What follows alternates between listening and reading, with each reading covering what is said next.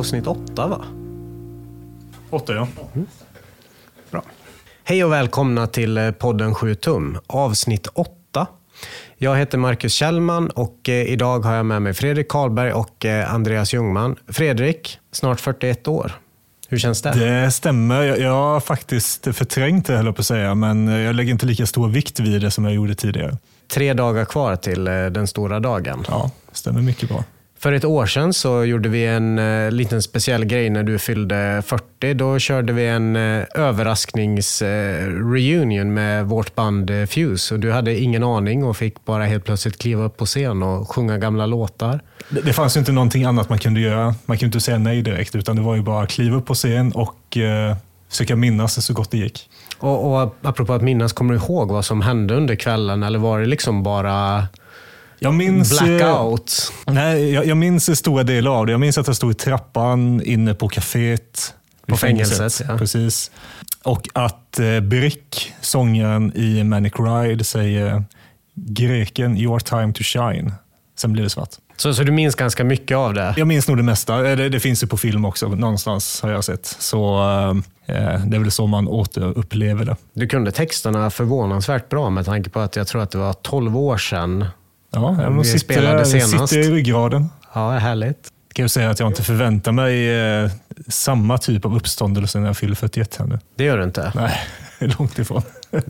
Man ska aldrig säga aldrig. Du vet inte vad vi har planerat. nej, nej, det vet jag inte. Nej, Tror du att det döljer sig några överraskningar för Fredrik Andreas? Nej, nu är det fan slut med sånt där jävla ståhej alltså. En gång nog. och aldrig mer alltså. Nu har han blivit firad nog.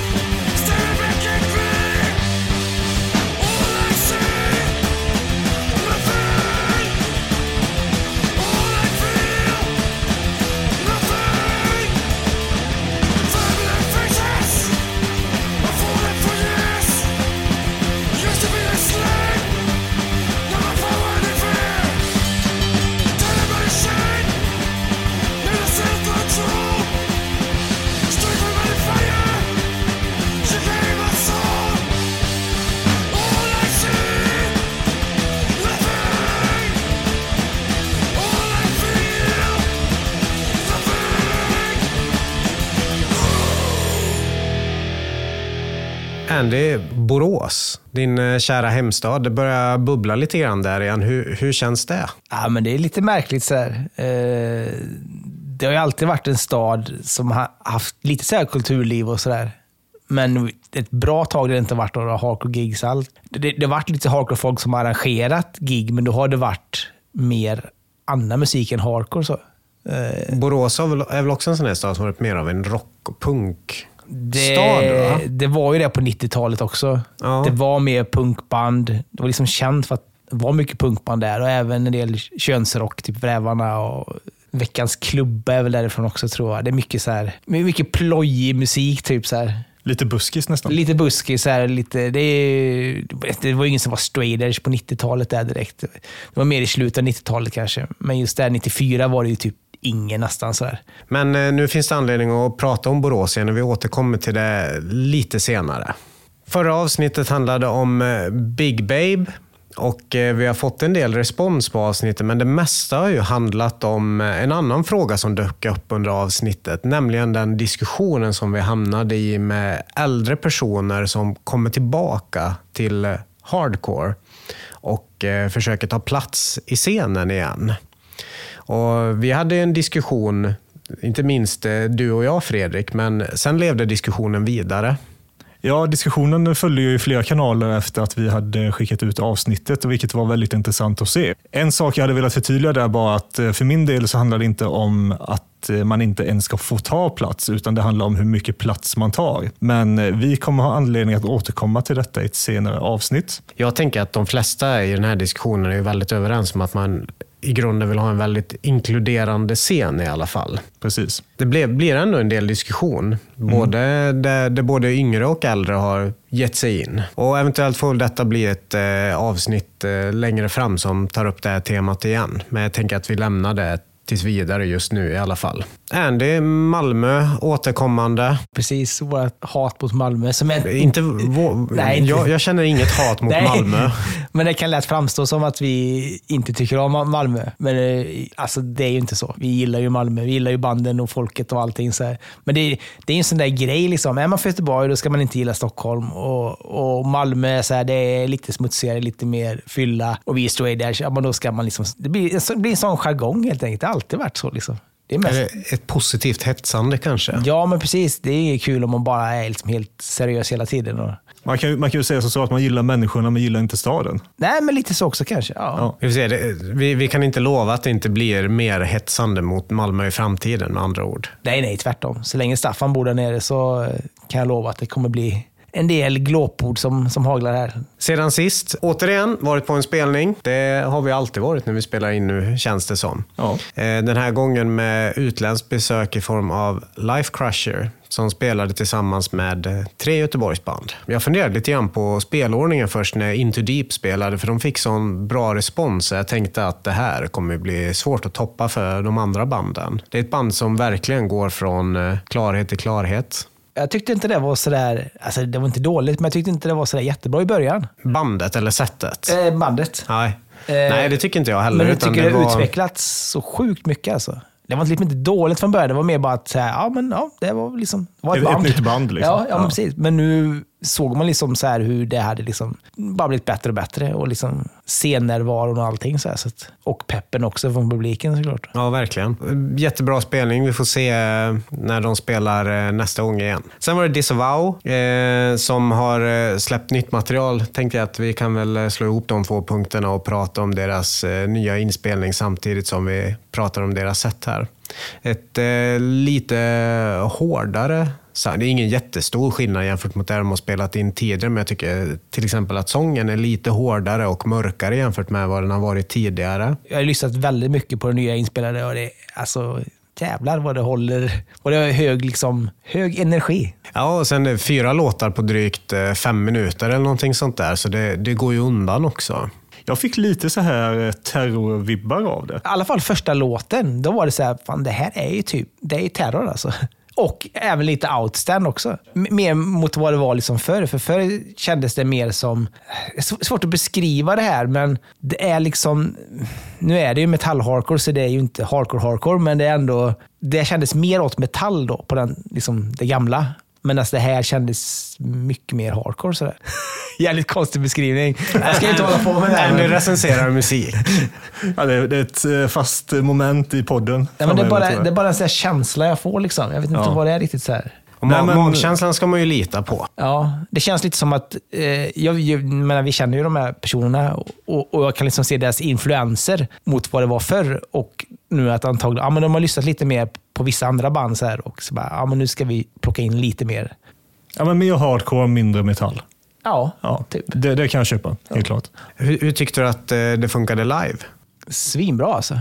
De har ju så jävla mycket morspartier så att jag gillar ju det. Så att, Det är också ett band som man har sett från under flera år nu. Man har sett dem gå från att inte få så mycket respons ja. till att nu få en... Men det är nog för att det är, det är mer energi, mer driv och liksom, jag vet inte, det bara är känslan av det. Liksom. eh, Jag tycker även om musiken och, eh, och så kanske inte har ett positivt uttryck så är det, på scen blir det ett väldigt positivt uttryck. Anton har ju sjukt bra mellansnack. Alltså. Ja. Han är väldigt bra på att ja, men bra på att snacka. Det är, liksom, det är lugnt, eh, han stakar sig inte, han får liksom fram det. Han, liksom, det liksom är, är någonting bakom budskapet. Sådär, liksom.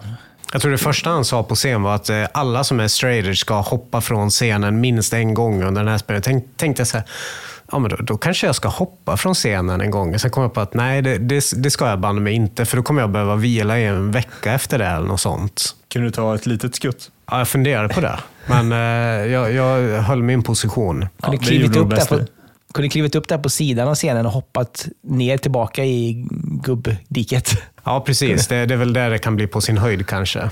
Ja, jag tänker själv, hur skulle kidsen eh, reagera ifall 82,3 kilo kommer flygandes genom luften och landar på dessa små armar, händer och ben? Är det du som väger 82,3 Det kilo? är rätt specifikt. Det var väldigt specifikt. Det är lätt som min vikt nästan också. Så att, ja. Ja, men jag är fortfarande typ en halv decimeter längre än dig. ja, precis. Så Ja. att jag undrar. Nej, ingen, ingen viktshaming i den här podden inte, men eh, man, man känner sig eh, lite för stor helt enkelt för att eh, det ska vara riskfritt för övriga deltagare. Och även lite svårare och typ stage dive nu för tiden. Eller just på det här giget. Nu blir det så en jäkla stor hästsko alltså.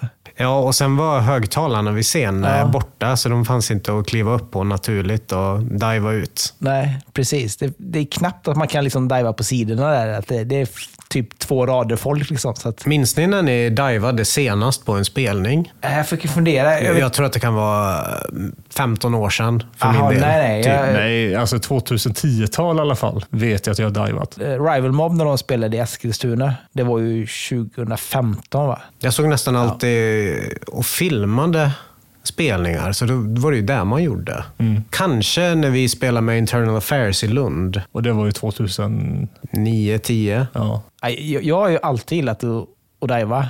Du kallas för köttbullen för. Nej, ja, det, det låter ju som något negativt. Att, att det skulle vara någon som är jävligt tung och slö och rund. Liksom. Det var det, alla, det var det alla menade egentligen. Nej, det, det jag tror alla menade var att du flög genom luften som en köttbulle. Ja, alltså, Som en liten boll. precis. Problemet jag har är att jag har sån jävla spänst. Att jag ibland inte riktigt... Jag känner inte av det själv riktigt. Så här. Jag tar nästan inte i och ändå så... Så det är liksom hänt att jag liksom så här flugit liksom för långt och över folk. Typ, och så här. Ja, det är ett jävla bekymmer. Får jobba på kroppskontrollen. Ja, men precis. Men förr gjorde man ju så här eh, volter och grejer. Liksom, men det, det skulle- Senast jag gjorde en volt, det kan jag nog säga, det var nog fan 20 år sedan. Ja, Jag tror skulle- jag aldrig har gjort en, en volt ute i publiken. Jag gjorde det i Linköping på skylten när Section 8 spelade och det var ju inte igår. Nej, det måste ha varit eh, början på 2000-talet. Ja, väldigt sent 90 eller väldigt tidigt 20. Ja. finns ju något foto på, på mig på Outlast när de körde sin eh, spelning där, eh, Lucia 2003. Det var återföreningsgig var det väl, tror jag. Ja, måste vara. Det finns ju ett, ett foto där jag, eh, Henke står, det var ju kravallstängsel tror jag. Ja, det var Så han står typ med staket, ena, liksom, ena foten på scen och andra på kravallstängslet och liksom håller ut micken så här. Och jag liksom flyger, jag flyger över han och liksom hoppar bock Ja, över han. Typ. just det, ja. Ja. Så jag liksom har mina händer på hans axlar samtidigt som jag är på väg liksom att hoppa över han. Liksom. Det fotot har jag aldrig sett tror jag. Jo, Nej. det minns jag. Jag har ett foto på dig i, i garderoben tror jag. I När garderoben. Floor Punch spelade. Kom jag ut eller kom jag in? Ur garderoben. Nej, du, eh, du hoppade ut från scenen i alla fall. Du stageade. Ja, den garderoben. Ja. Ja. Ja. Ja, jag, för jag stod där uppe och gjorde någonting. Jag undrar om jag filmade eller vad gjorde. Eh, Obstruktion gjorde sin, eh, kanske sitt bästa set. Ja. Som, som jag har sett dem göra någon gång. Jag pratade med Jonas som sjunger efteråt och han var nog benägen att hålla med. Här, här är det hård hardcore. Här är det väldigt hård hardcore, ja, precis. Eller till och med metal. Ja, precis. Men även det här tyckte jag att det lät, det lät mer hardcore på något sätt. Jag vet inte varför. Det bara, är, det bara kändes som att det här är, nu är det mer hardcore alltså. Jag tror annars att eh, trenden i det här bandet är att det går mer åt eh, metal-hållet. Ja, men det är nog att det är mycket mors också. Det är det liksom. Då känns det genast, man förknippar hardcore med mors. Liksom. Jag tyckte att det var, de fick också bättre respons än vad jag sett dem få Ja. någon gång tidigare. ja, men verkligen alltså. För, de- för de, de blir ju lite en udda fågel på något vis när de spelar den typen av musik som de gör på ett, på ett hardcore-gig. Det kommer inte gå hem hos, hos alla. Nej. Och sen, de har väl lite, vad ska man säga, lite, lite så tur just med att Jonas är med i Mora Panic och så. Han är ju liksom ett välkänt ansikte och sådär. Men sen plus att de är väldigt duktiga på att spela. Ja, men det också såklart. Men just det här med att folk peppar på det här bandet för att det är folk de känner igen. Liksom och så där, så att, jag tänkte på det, för nu när E spelar gitarr och han ramlar av scenen och typ slår, slår ryggen i scenkanten. Själv hade man ju fått avbryta spelningen, punkt. va? Ja, Ja, ja, det, det, hördes knappt att, eh, eller jag tror inte det hördes att... Eh, Han slutade aldrig spela, han Nej. inte? Nej. nej. Det är lite annan nivå än vad man är på själv i sitt eh, musicerande. Life Crusher från eh, Schweiz gjorde sin eh, bästa spelning någonsin, tyckte de. De har aldrig fått så bra respons någon gång på en spelning som när de kommer till Göteborg. Och Det är väl också ett bra kvitto på hur stark scenen är här just nu. Man såg att de hade kul. Det Ja, verkligen. Och de hade kul när de andra banden Ja. spelade också. Var Ja. liksom ute och morsade i, i publiken och så. Ja, stannade kvar, snackade med folk. Bra mellansnack. Jag, jag tycker, snackar vi mors? Jag har nog aldrig varit med. Det var ju typ ett morse-intro på varje låt känns det som. Ja, det, är väl, det är väldigt Det var lite eh, sång, det var morsigt mycket. och stompigt. Så. Ja. det, det är det verkligen. Det var inte så att folk sjöng med i deras låtar eller så, Nej. men eh, ändå fick de ju bra respons. Ja, men det är var kul. jävligt kul gig. Ja, kul när det kommer utländska band också som får se liksom hur bra eh, Göteborgsscenen är, liksom Sverigescenen så. Och kan liksom peppa andra band att komma upp och sådär och, och köra. Det var lite färre besökare på det här gigget jämfört med tidigare. Det var ju inte fullt. Mm. Fast det var, det var typ det. Alltså, eh, alltså, sett till brandreglerna så var det nästan fullt. Ja, nästan. Men det, det kändes ändå i, Ja. i rummet som att det var inte lika mycket folk riktigt. Nej, och jag kände väl att det var på ett sätt lite skönt också. Jag tror de sa ungefär 150 besökare. Plus banden och plus de som jobbar där. Ja, precis. Och säg 200 pers var där. Så det var ju kanske 30 pers, 35 färre än vad det är när det är fullsatt. Men det kan ju också betyda att eh, chansen att komma in på giggen ökar. Köa får man fortfarande göra, men man slipper vänta utanför. Ja. För en tid sedan pratade vi med Mark om eh, hans eh, projekt som han har tillsammans med Svensk Hardcore-kultur där man gör ut eh, ny merch med gamla band. Och högst upp på vår lista var ju Final Exit, så jag tror att hade vi alla den som etta. Jag tror det faktiskt. Ja. Och nu har ju drömmen blivit verklighet här. Nu har det kommit en ny Final Exit-tröja på Svensk Hardcore Kultur och Monument som också är med på det här släppet. Eh, en hoodie den här gången med eh, fyrsidigt tryck. Och för folk som inte vet vad det är för band också, det är, det är då ett 90-talsband. Eh, startar väl lite som ett plojband egentligen sådär. Eller Ja, lite, lite halvt. Jo. Eh, det är ju Dennis och David från Refused. Både Per från Abinanda tror jag. Ja, Och så hade de ju någon... Jens va, som spelar trummor. Just det, precis. Som även spelat med AC4 va? och lite andra Spelade inte han i Step Forward också? Step Forward också. Ja, precis. Väldigt duktig trummis. Eh, Sen bytte de ju lite medlemmar och så. Sen, ja, men, ja, men precis. Så det är ju... På den tiden var det så här lite ett mytomspunnet band. Så för att Det här var innan internet ska tilläggas. Innan internet, ja. ja. Men även när internet fanns så var det, man visste ju inte vilka det var. De spelade ju i Umeå, men lik förbannat, man anade ju vilka personer det var som var med i bandet, men de hade ju dolda identiteter. Sådär. Och eftersom de aldrig spelade här nere direkt så var det svårt att veta vilka det var liksom, i bandet. men eh, Sveriges bästa hardcore-band genom tiderna. Ja, jag skulle säga det. Jajamän. Det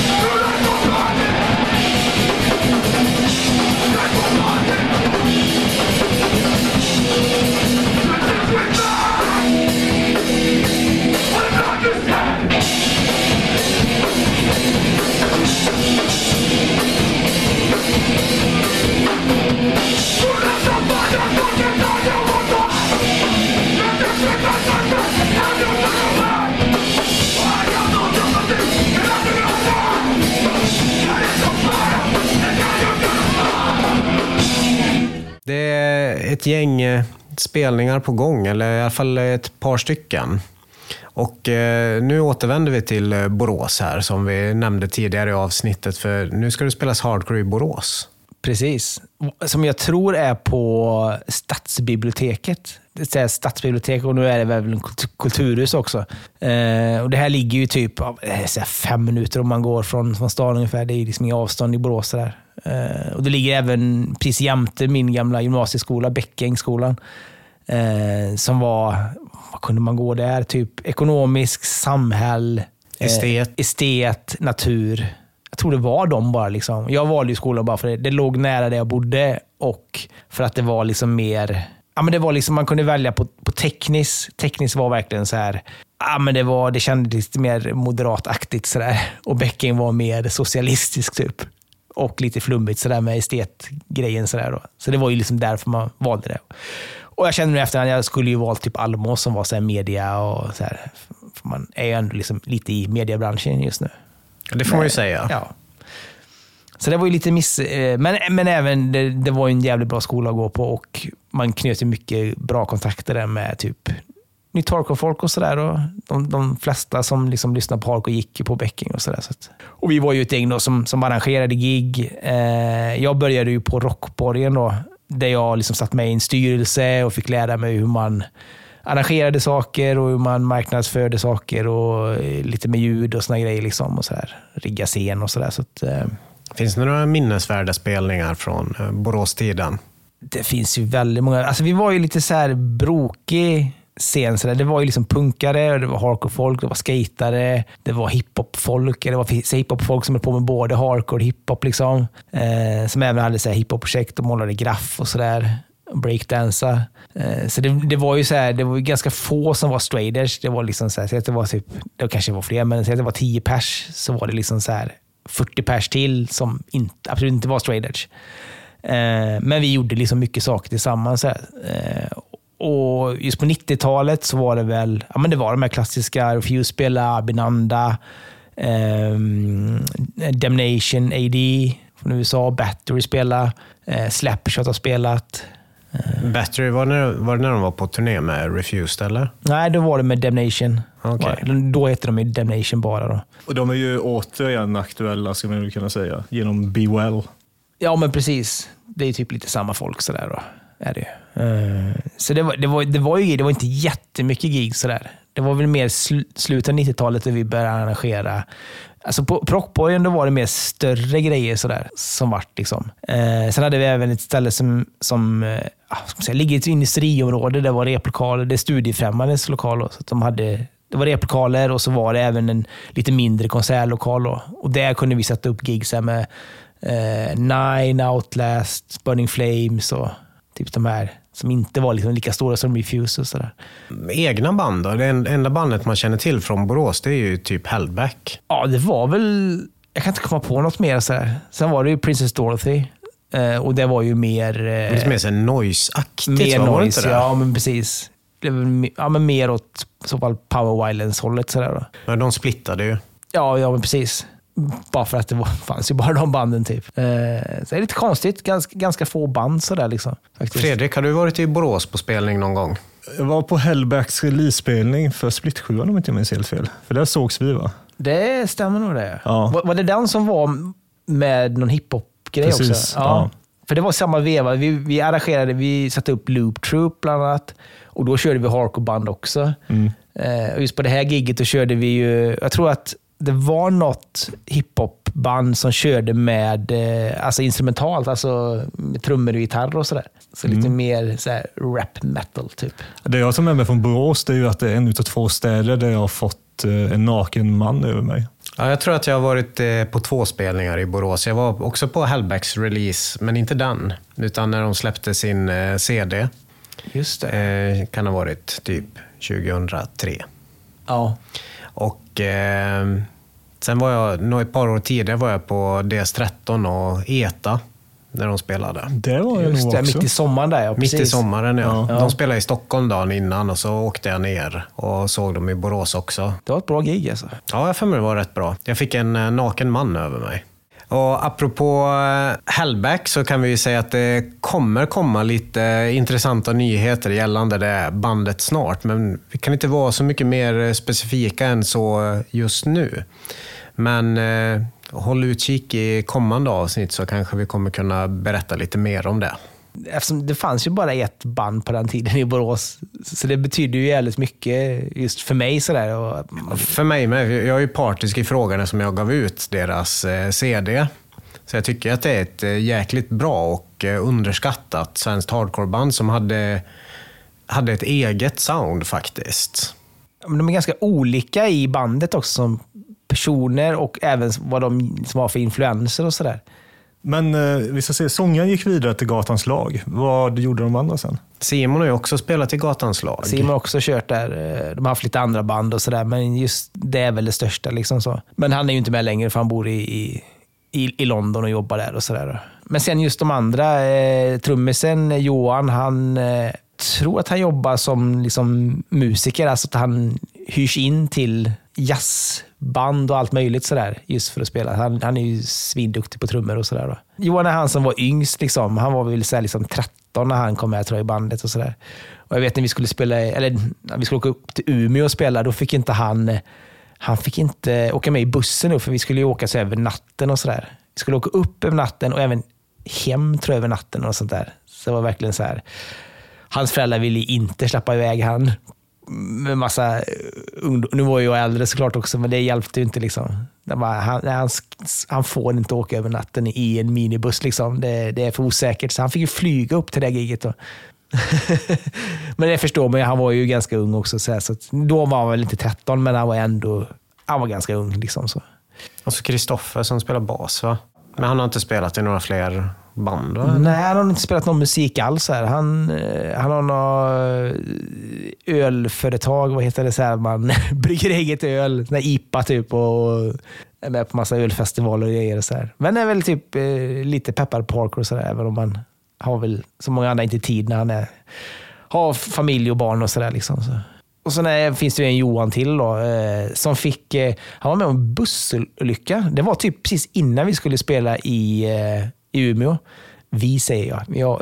Var som att jag var en del av bandet. För jag, jag hjälpte dem ganska mycket med allt möjligt. Trycka upp merch och lägga ut pengar för skivor och liksom allt sånt där. Så att, eh, men i alla fall, eh, eh, han skulle åka buss någon, någon dag hem från skolan. Eh, åker då från busstorget till Borås. Och den, bussen hinner inte åka alls långt innan den liksom, den åker liksom emot någon annan buss och inte liksom rätt in i bussen utan liksom så här gnider sig på sidan. Så att eh, han får då liksom, han sitter precis vid, vid fönstret. Precis där då liksom slår det emot den andra bussen så att liksom det gnids emot och den här rutan då, den klarar inte av det utan den sprängs ju då rätt i hans öra. Så han får ju som grov jävla tinnitus av detta. Så han kan typ liksom inte, han kan varken sova eller liksom Ja, han orkar liksom bara ligga i ett mörkt rum mer eller mindre så här och stirra. Fan vad jobbigt. Ja, fruktansvärt. Liksom. Vilket jävla öde. Ja, och liksom, ja, men vad gick han kanske gymnasiet? Något sånt där. Och peppar på att spela liksom, och hålla på liksom, med musik och så där. Och så bara, nej det här. I USA hade han kunnat bli mångmiljonär på detta. Ja, men precis. Han måste ju fått lite försäkringspengar av det här kan jag tänka mig. För det var ju liksom busschaufförens fel helt enkelt. Nej, så han kunde inte åka med på den här Umeåspelen så vi tog in, vi säger jag igen alltså. Nej, men så, så han kunde inte åka med till Umeå och eh, istället fick de ta in eh, en annan eh, snubbe på gitarr. Då. En kille som heter Tobias eh, som spelade med ett annat, jo, det, ett, det finns ett annat hardcore som jag kom på nu. Som jag inte kommer ihåg vad fan de heter. Ja, då, hjälper du inte. Nej. Men tillbaka till det som var huvudpoängen, att det är dags för spelning i Borås igen nu i slutet av juli. Vilka band kan man se då? Då kan man se Sidestep, Bound Break och Try Me. Så det blir enbart Göteborgsband. Göteborg Invasion av Borås. Ja, men precis. Så om man inte är iväg på någon semester någonstans så får man ju passa på att åka till eh, Borås då. Ja. Och det är även på, på gång ett eh, nytt band från Borås också. Ja, Som inte har något namn än och de har precis börjat repa också. ja, som vi inte vet något mer om än så egentligen. Nej, nej men precis. Nu när jag börjar tänka så kommer jag ju på fler band från Borås på 90-talet.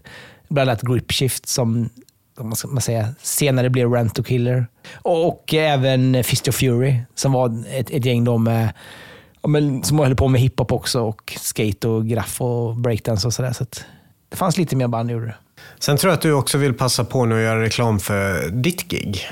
Som Jo. du sätt, sätter upp här i stan. Ja, men precis. Jag har ju nämnt innan att, att jag ska med Nowhere som ska spela nere på IP-fest i Belgien i sommar. Och eh, De behöver lite gig på vägen ner då, och vi har hållit på. Det är så jäkla svårt just på sommaren. Det är så mycket band ute på turné. Det är så mycket spelning överallt. Så att antingen får man hoppa på något annat gig eller så får man bara blåsa hela vägen ner till IP-fest. För att det, det är väldigt svårt att boka något eget. Speciellt då för ett band som Nowhere som inte varit ute än och, så där, och skivan har inte varit ute jättelänge. Och så. Så, så då är tanken att vi ska spela... Och då är Du, tan- du är med i Nowheres Ja, också. jag- jag- då, är, då är tanken att de ska spela i Linköping först, eh, den femte och den sjätte sen blir det gig i Göteborg. Eh, och då har jag valt att hålla det på Skriket som ligger ute på Lindholmen. Therese Svenssons gata. Ja, precis. Therese Svenssons gata 8 den 6 juli. Eh, då blir det Nowheres, det blir Foxwomb och det blir... Eh, Dogfight. Dogfight, precis. Jag har hållit på att trixa lite med band. Det är svårt för det är många som är borta också liksom den tiden. Så där. Det, är, det är en svår tid helt enkelt. Men jävligt kul att ha ett gig där igen. Och det, det är lite roligare att ha gig där på, på sommaren för då kan man öppna upp eh, med jättestora portar och så här, och folk kan stå utomhus och så också. Jag funderar på om jag ska ta med grillen. Ja, det tycker jag fan alltså. Ja, För det har funkat så jävla bra förr alltså. precis. Vi hade ju alltid grill när det var eh, större gig. Där neg- negative approach och... Ja, då åkte grillen fram. Ja, ja. Hoppas på grillväder. ja, men det är ju det. Det blir, det blir kul att ha ett gig där faktiskt igen. Dagens huvudtema det är ju Outstand. Eh, vi kommer intervjua två medlemmar ur bandet, Björn och eh, Gustav. Det är ett band som har återkommit flera gånger i podden. Dels eh, i Göteborgs Hardcore special, men också när vi har pratat om olika spelningar som har varit. Både Björn och Gustav är också med i Moral Panic, så de har ju garanterat mycket att säga om och har ett bra perspektiv på den svenska hardcore-scenen just nu och eh, speciellt den som finns i Göteborg. Outstand känns som eh, ett av de större banden i svensk hardcore just nu. Ja, även husband i Göteborg på deras egna spelningar. Och även ett band som jag tror går hem jävligt bra i Europa också faktiskt. Och skulle kunna gå, gå, gå, gå hem väldigt bra i USA också. Det är ju modellen hårdare hardcore, nästan lite så här gruffigt eh, ibland. Utan att kanske musikaliskt vara det som en del betecknar som, som gruff. Va? Men eh, det är ju inte helt lättlyssnat heller. Va? Om man kommer in ny på hardcore och får höra outstand så kanske man eh, ryggar tillbaka lite grann, eller vad tror ni? Ja, men det är väldigt aggressivt, det är det ju. Eh, Jag gillar det väldigt mycket mer live. Jag tycker väldigt mycket hårdare live än vad det är på skiva faktiskt. Det är ju ett liveband. Ja. Speciellt, jag tycker om eh, deras gamla intro, kan man säga så? Men det de alltid körde förut. Ja, från eh, låten Public Demand. Det är så jävla fett. Ja, det, det är nästan lite så här eh, Firestorm-aktigt Ja. när det går igång på något vis.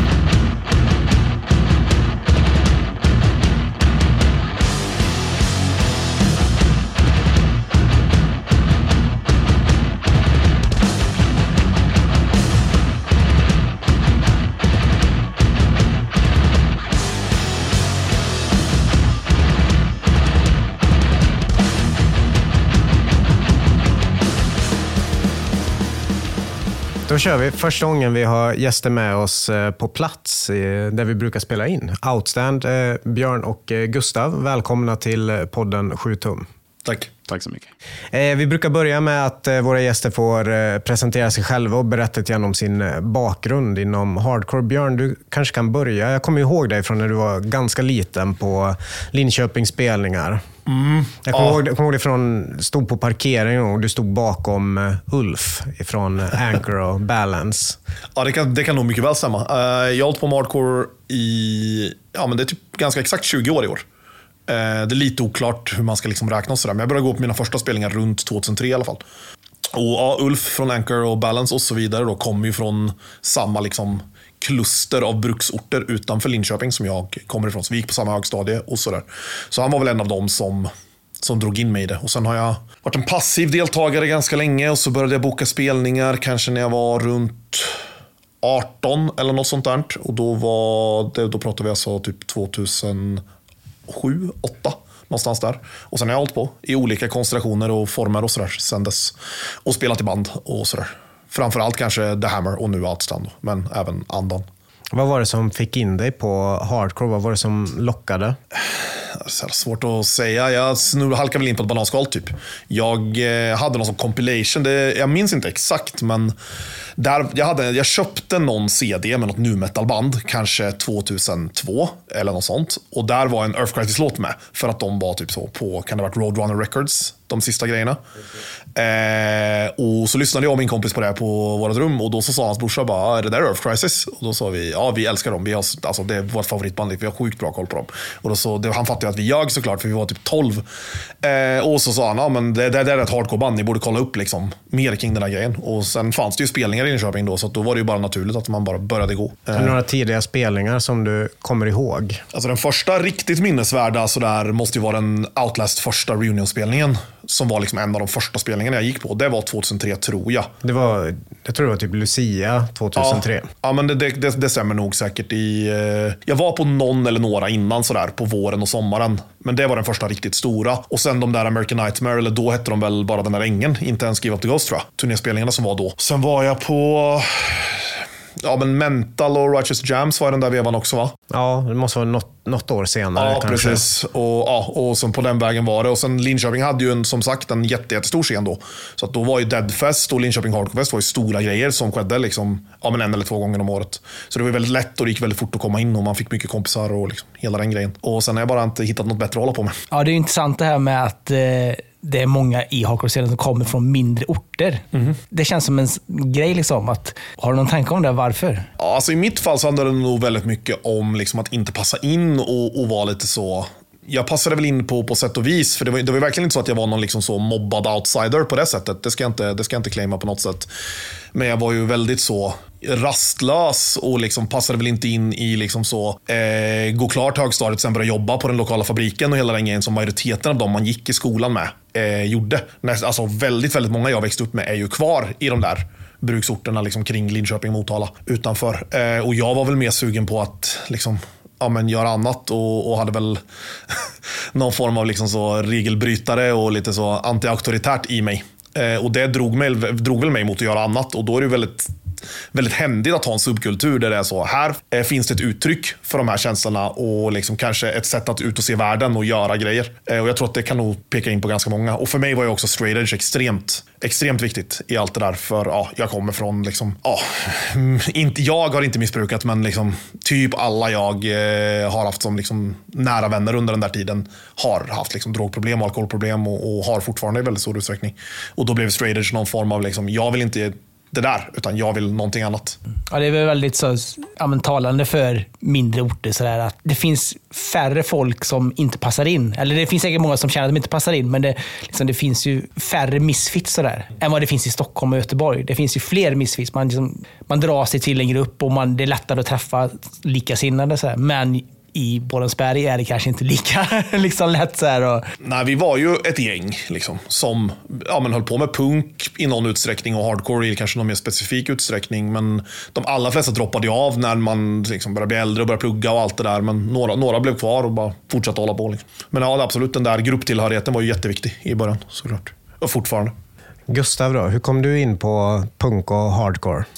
Uh, jag började väl så här, gå på spelningar i början av 10-talet någon gång. Uh, och Det var nog så här, ett band jag hade spelade en cover på Rise Against. Uh, och så började jag lyssna på det och då så såg jag på liveklipp att de hade coola tröjor på sig med fräcka band som Mind Threat och Bad Brains. Så då började jag kolla upp det bara för att man var I mean, nyfiken på att hitta nya grejer hela tiden. Och så liksom började jag läsa på om hardcore egentligen på internet och blev väl liksom väldigt dragen till den här community-grejen och att det faktiskt var en scen, för det var något jag saknade mycket i Borås där jag är uppvuxen. Eh, vi gick liksom mycket på spelningar och det, det fanns en livescen i Borås då med mycket demoband och så, många ställen att gå på spelningar, men jag saknade den här liksom tillhörigheten och scengrejen. Så då via internet och Facebook framförallt så hittade jag eh, Göteborg Straight Edge var det väl då.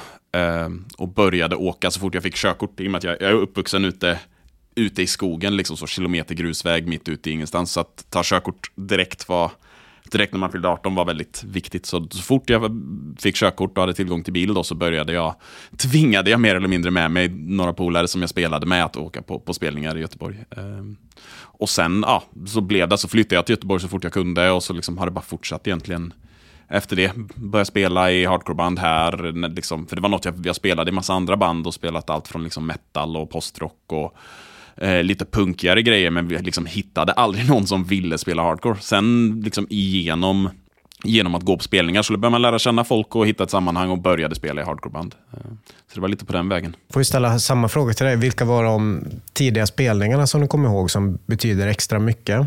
Jag har försökt tänka på det här, vilken som var den första riktiga hardcore-spelningen. För den första spelningen jag gick på, det var en Göteborgs Straight Edge-spelning med två tjeckiska screamo-band, eh, Remek och Gattaka, på Nordengården i källan där. Eh, men jag kan inte för mitt liv komma på vad den liksom första riktiga hardcore-spelningen var. Det kan ha varit någon Lose the Life-spelning, minns jag också, från, från källan i Nordengården. Eh, men jag kommer inte ihåg vilka mer band som spelade. Och sen så liksom var jag väldigt, gick mycket på spelningar under liksom hela Skriket-eran. Men då liksom tidigt på, på 10-talet fanns det också typ någon sorts parallellscen med mycket yngre folk som höll på med någon sorts mer så här melodisk hardcore som kanske växte fram med någon sorts metalcore-scen snarare. Eh, med liksom band som Hold Hands och det fanns ett band som hette Eldstad, de kanske fortfarande spelar, och eh, Domarringen från Uppsala. Eh, och det var liksom, de liksom härmade nog mycket av hur hardcore-scenen såg ut med hur man satte upp spelningar och DIY, do it yourself och hela den grejen.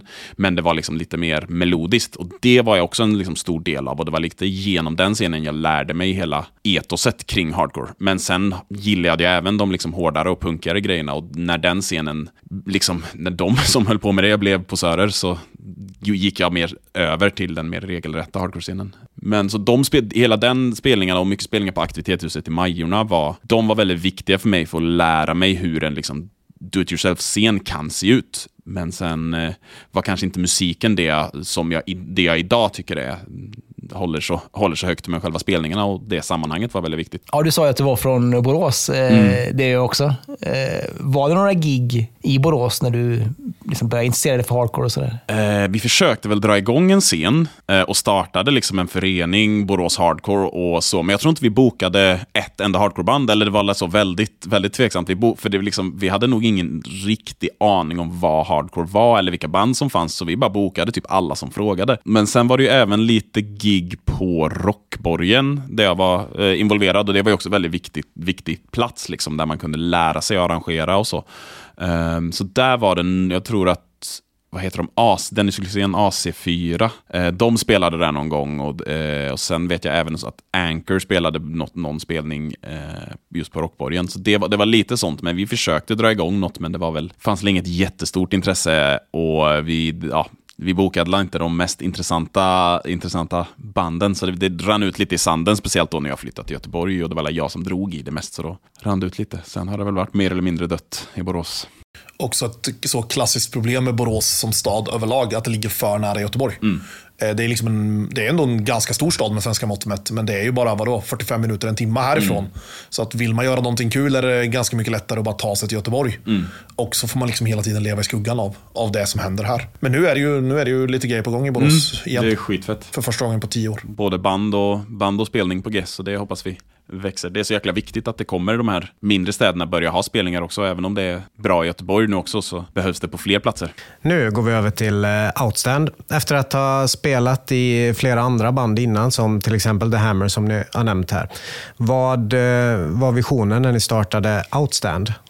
Ja, alltså Outstand började typ egentligen så att The Hammer, som både jag, Gustav och även Gabbe som spelar i Outstand var med och höll på med, var på en turné tillsammans med Lois Creature från Örebro. Och då var det bara jävligt bra stämning och vi hade kul. Och då så sa vi typ i bilen på vägen hem någon gång att fan, vi borde starta ett band med Tobbe och Julle från Lowest. Ja, då var det någon som bara, vad ska det vara för band då? Liksom? Ska vi bara hitta på ett band? Och då sa jag, bara, men vi borde låta som One Life Crew. Eh, och så försökte vi skriva lite låtar. Eh, och den första demon är ju lite åt det hållet med Cleveland-stuket. Liksom. Mm. Eh, väldigt så snabb, bara så hardcore-punkt. Liksom. Mm. Eh, och det, det, var så idén började och det var inte tanken att det skulle bli mer än en demo. Eh, det började liksom lite efter att The Hammer la ner så ville vi ha något annat band att, att hålla på med och då, då låg det här väldigt liksom, Eh, lättillgängligt. Och, och, och, så här, både, både Tobbe och Julle är väldigt duktiga musiker så att det, var liksom, det, ja, det kändes väldigt enkelt att ha ett så här distansband. Så ja, vi skrev ihop lite låtar och så spelade in en demo och så, så började vi där. Och sen så ja, rann det vidare därifrån. Uh, vi började, um, spelade in en promo med dem. och Sen så började folk dropp, de droppade av. Eh, Julle fick barn och han hade inte riktigt tid då att ha två band och framförallt att ha ett distansband. Och så, så blev Tobbe kvar och så plockade vi in John på trummor. Mm. Och sen tog det väl fart mer på allvar för att Tobbe flyttade hit och pluggade i två år. Eh, jag och Tobbe pluggade tillsammans eh, och då var det ju liksom så att vi hängde hela tiden. Varje dag i princip. Och eh, bara var i repan och vi hade en repa då som liksom, vi hade tillgång till 24-7 och, och, som låg jävligt bra typ mitt i stan. Så vi var där jämt. Och då började vi skriva nya låtar och det bara så liksom, det, det bara föll sig naturligt. Och i den vevan någonstans där så kom ju John in. Eh, eftersom att Julle då hade barn och inte bodde där. Han började fylla in som så här reptrummis för Julle. Eh, för att vi skulle kunna repa och skriva låtar så hjälpte han oss. Och sen så blev det liksom mer, när Julle väl hoppade av för att han inte hade tid så blev John det naturliga valet. Vi hade ju spelat tillsammans med John innan i Andan. Ja. Eh, som då fortfarande var mer eller mindre aktivt. Mm. Eh, och nu, det finns ju fortfarande. Det är bara att det är liksom... På papper. Ja, vi har inte träffats på, liksom, som band på, sen innan corona. Mm. Eh, men ja, det finns ju, det, det, finns ju låtar i, i, i pipeline sen fem år tillbaka eller någonting. Ja. Men, ja, eh, och han spelade ju också i Waste och turnerade med Waste och sådär då. Mm. Och då ja, så, så frågade vi, liksom, ja, men vill du hjälpa oss att liksom börja pilla på en skiva? Och sen någonstans halvvägs in i det där så sa Julla att ja, men jag kommer inte ha tid att liksom hålla på och åka till Göteborg hela tiden nu med liksom en, en bebis och en till unge på väg. Så eh, då frågade vi om, om han ville på, liksom, på heltid. Hur påverkade bytet av medlemmar soundet? Om det så att ni började med ett mer Cleveland-sound och sen kanske har gått lite i en annan riktning. Hur, hur kom det sig? Nog inte påverkat jättemycket egentligen, för att Tobbe, Tobbe, det är Tobbe som spelar på skivan, så att han har ju varit med och liksom skrivit allt material fram till de senaste två låtarna vi släppte. Uh, det tre. som kanske... Tre låtar? Ja, just det, vi har släppt tre låtar.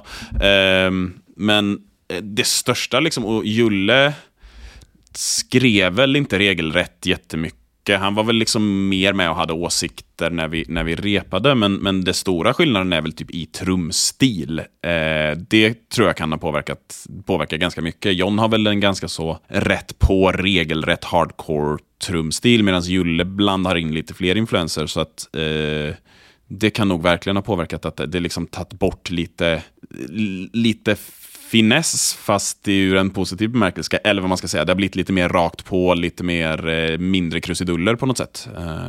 Men sen också var det väl, alltså mer än att egentligen medlemsbytet och sådär har påverkat så var det väl mer bara, alltså jag skulle säga faktiskt typ corona. Mm. Eh, som gjorde den stora, liksom. för att när corona kom så hade vi liksom ingenting att göra. Eh, och ja, som sagt, vi pluggade, jag, Tobbe och du. Mm. Och det var liksom ja, väldigt lågintensivt plugg kan vi säga. Mm. Eh, för att uttrycka sig diplomatiskt. Eh, och då började vi hänga ännu mer i repan. Och då var det väl bara så här, vad, vad är kul och vad lyssnar vi på nu? Och just då så, så var det ju alltså, väldigt mycket Knuckle Dust och eh, Fury of Five. Mm. Som liksom vi pratade om. Och, mm. och, liksom så och då började vi väl liksom bara så, ska vi kanske skriva lite låtar som går mer åt det hållet? Och det var väl också en period där ingen av oss hade andra band. Idag har ju liksom de flesta av oss här massa andra band att hålla på med. Men Bullshit hade ju inte startat än, så Gabba hade ju inte liksom det. Och ja, ja vi hade inte The Hammer längre. Sidestep fanns inte. Sidestep fanns inte. Eh, så att det var liksom, det fanns verkligen ett behov av att uttrycka sig, av att skriva låtar. Så då skrev vi bara så mycket vi orkade och, och försökte liksom skapa det här tillsammans. Så mycket av skivan uppkom ju i replokalen, eh, vilket, är så här, vilket var en väldigt nice process för att alla hade väldigt mycket att säga till om. Någon, någon kanske kom med liksom grundlig, grundlig riff eller grundlåtidéer, men att mycket hände i repan. Uh, och vi hade liksom också så väldigt olika influenser, vilket var nice. För Tobbe kom ju in, så jag, Gabbe och Björn har ju spelat i band sedan 2013. Så att vi har ju liksom verkligen skapat en gemensam hardcore-smak och en definition av vad, hur hardcore ska låta. Medan Tobbe kom lite utifrån det och kunde bidra med andra influenser, vilket jag tror skapade någonting som var ganska, blev unikare. Sen, sen måste man ju fråga, får klippa det här om det är uttjatat ämne, men eh, namnet Outstand. Eh, jag tänker dels eh, tanken med, med betydelsen av ordet. Eh, hur kommer det sig att det var ett passande bandnamn? Det var nog verkligen bara så att det lät coolt. Att vi hade jättesvårt att hitta bandnamn för att alla hatar att göra det. Och sen tror jag också att det liksom gick, Gabbe har liksom en, Gabbe som, han är graf, jobbar som grafisk designer och liksom tänk, tänker väldigt mycket på den biten. Så jag tror att han, eh, han brukar alltid se, prata om bandnamn i form av ordbild. Är det en snygg ordbild? Uh, jag tror att eh, Outstand var något som vi alla kunde tänka oss ha och Gabbe godkände det ordbildsmässigt. Det skulle, han, han kunde göra en fet logga liksom och ja, det var egentligen så enkelt. Ja, och, och sen började vi liksom prata lite om det, att det, så här, men det kan ändå passa temat ganska bra. Liksom, att så här, men vi kommer, alltså, det här är liksom, ja, men, eh, vi gjorde det Hammer-grejen, nu går vi vidare. Så här, vi kommer alltid fortsätta hålla på. Vi kommer alltid utstå liksom, och fortsätta hålla på med den här grejen. Och så blev vi mer och mer taggade och så bara, fan vi kanske kollar upp om det finns något band som heter så här. Eh, och så gjorde vi det. Och så fanns det. Och då sa jag bara rakt ut, skitsamma. Vad fan ska de göra? De går inte på spelningar liksom. Nej. Eh, ja. Och det är, sen har vi bara kört. Men nu har vi fått eh, seal of approval av gamla Outstand. Så är det. Ja, okej. Eh, för du känner någon som hade varit i deras studio, eller vad fan det nu var. Kommer inte ihåg hur vi hörde det här. Någon hade varit i deras studio och nämnt att de kände oss i alla fall. Ja. Och då hade han, eh, s- det är ju det Welfare Sound som Just ligger i det, så Göteborg. var det, så var det. Eh, Och då hade han bara sagt, det är skitfett, det är asnice att de använder det namnet, det är ett jättebra namn. Så alla som klagar, ni kan... ja, Ja, ni kan åka till Welfare och klaga. Är, är det många som klagar? Äh, Vi har sett syrliga kommentarer på Facebook. Av folk som inte går på spelningar. Och då brukar vi bara svara, vi kan, vi kan absolut vara öppna för att byta namn, men då får ni komma på en spelning och förklara varför vi ska byta namn. Liksom. Och det gör de ju aldrig. Så, Det är ju inte första gången ett band eh, tar ett upptaget bandnamn så. så är det. Och samtidigt så, eh, just Outstand, alltså gamla Outstand, 90-tals Outstand, var ju inte direkt hardcore. Det var ju mer åt eh, lite rockigt. Det var ju ett band i hardcore-scenen, men det känns som den inte är en samma stil heller riktigt sådär. jag vet typ inte ens hur det låter. Jag har kollat något liveklipp någon gång och tänkt det här var dåligt och stängt av, men så har jag inte kollat vidare. Det enda vi har lyckats kunna hitta är ju ett liveklipp från när de spelar typ i Umeå på det här på Svensk Hardcore Kulturs YouTube-kanal. Vi hade ju liksom aldrig ens hört hur de lät förrän ganska nyss. Alltså de första åren som bandet fanns och som vi höll på med det här, så visste vi bara att de fanns, men inte hur det lät. Och ja, som Gabbe skrev ju i gruppchatten när det där klippet kom upp, Ja, jag trodde typ det var hardcore. De har ju fan kostym på sig. Ja, men och då- då tänkte vi, ja ja, då... Skitsamma. Ja, de vill ju liksom göra sin grej. Det var ju, Ja, ja. Det var ju så på 90-talet att säga, ja, men allting skulle låta hardcore och så kom det några och sa, äh, men nu är, man, nu är man lite trött på hardcore. Det måste ju liksom skapa någonting nytt. Trött på hardcore? Nej, inte trött på hardcore, men liksom så här, nu har vi fem band, eh, alla, alla låter liksom hardcore. Så här. Nu startar vi något som är mer emo eller rockigt. Eller Men så där, varför, liksom. då, min stora fråga då, det är, det här, ja, nu ska ju inte ni till försvar för det här, men varför vill man göra det i hardcore-scenen då? Om man nu är trött på hardcore och inte vill spela hardcore, varför vill man spela på hardcore-spelningar då? Med, med sitt eh, rockband liksom. Det kanske Ja. var fel uttryckt, de kanske inte var Ja, trötta på hardcore. Var fan- men, men, Ja. ja. men det var, ja. Nej, men det, det var säkert liksom, det där är ju en, en era, liksom, för nu pratar vi väl typ kanske 97 eller något sånt där. Ja, vi snackar Andra halvan av 90-talet, nog, eller? ja men typ 94, 95 nästan tror jag. okej. 95, 96. Ja. Ja, vi, så här, alltså, då var ju vi verkligen inte med. Nej. Så vi har ju ingen aning om hur, hur liksom, eh, tongångarna och vibesen var då. Eh, men ja, alltså, det är också lite så, vem fan bryr sig? Alltså, man kanske ska starta Earth Crisis. Liksom. Ja, men det, är, jag tänkte, det är lite samma som det är idag, liksom, så här med Turnstyle. Att det låter ju inte alls hardcore längre. Så här. De, de är fortfarande säkert svinpeppade på hardcore och går på spelningar och gillar liksom hardcore-scenen, gillar att spela hardcore-spelningar. Men de vill köra sin grej nu. Liksom, så. Ja, man får göra vad man vill såklart, men ja, som sagt, vi hade ju vi liksom, vi hade väl, vi, när vi bestämde oss för namnet hade vi aldrig ens hört talas om det. Då kollade vi upp det och då vi var så, de här var, alltså, ja. Det hade varit en annan grej om det var ett band som, ja, men, om vi hade bestämt oss för att heta Hårda Tider. Ja, det är ju inget aktivt band. De har inte, varit- de har inte varit aktiva på liksom, över 20 år. Så att, Jag tänker på bandnamnet, det passar ganska bra ihop med texten också. För jag tolkar det lite grann som att texterna handlar lite grann om att eh, ja, men, vardagsbetraktelser på något vis. Eh, livet kan vara tufft. Eh, ja, men att man på något vis står över det. Ja, alltså det är lite svårt med så fan, att prata om sina texter utan att känna sig eh, som en, liksom, man ska inte känna sig pretentiös. Men tanken med, med den här skivan i alla fall har ju varit att alla texterna på något sätt jag, jag har väl typ kanske velat eh, att texterna för första gången i någonting jag gör musikaliskt ska hänga ihop lite från början till slut. Eh, med tidigare band och speciellt med The Hammer så gick det ju typ till så att jag kom till repan och var upprörd över någonting och satt I came in hot så att säga och liksom så nu eh, och sen så, så gick jag in på toa och så skrev jag en låt på kanske 15 sekunder liksom. Där handlar ju nästan alla låtar om liksom att ja men fan vad det är tråkigt att jobba. Eh, liksom, det är så jävla jobbigt när man inte kan sova på natten och så vidare. och så vidare liksom. Men här så handlar väl kanske mer om, den, den, de här texterna har jag, är väl kanske lite mer existentiella på något sätt kring eh, min relation till att bli vuxen och försöka liksom att leva i någon form av normal kontext med liksom ett, ett normalt liv och jobb och lägenhet och sådär. Någonting som jag inte gjorde förrän ganska sent i livet. Det är ganska tydligt tycker jag när man läser texterna, för det är väldigt sammanhållet. Det är ett, eh, det är ett tema som känns som att det passar ganska bra ihop då med bandnamnet till exempel. Mm. Och det, det fanns en, en tanke bakom där, helt klart. Men ibland när ni spelar live så säger du ju saker som skulle kunna tolkas som politiskt också. Finns, finns det något politiskt i Outstand? Ja, det gör det väl. Eh, det är lite svårt att eh, definiera. Alltså dels min politiska ideologi, eh, men eh, det finns ju definitivt något anti-auktoritärt i texterna och i bandet. Och liksom, det är väl en, flera av oss i bandet har ju liksom, ja, men graffiti-bakgrund eller liksom så, lite åt det där hållet i alla fall. Och någon form av ligist, eh, ligistbakgrund. Liksom. Och det, det spelar såklart in i, i texterna. Det, det finns väl en rakt ut politisk text eh, på skivan. Eh, som, är en, alltså som handlar liksom om rasism-ish. Liksom. Inte rasism kanske, men mer om fascism och liksom det auktoritära samhället och, och folks på något sätt oförmåga att eh, se längre än precis här framför liksom sitt eget ansikte och, och sätta sig in i andra situation. Och den, eh, den, den, det är väl en politisk text rakt ut. De flesta andra är väl mer bara så samhällsbetraktelse, eller vad var det du sa? Ja, men någon slags vardagsrealism. Ja. Ja, diskbänksrealism, eller vad man brukar säga.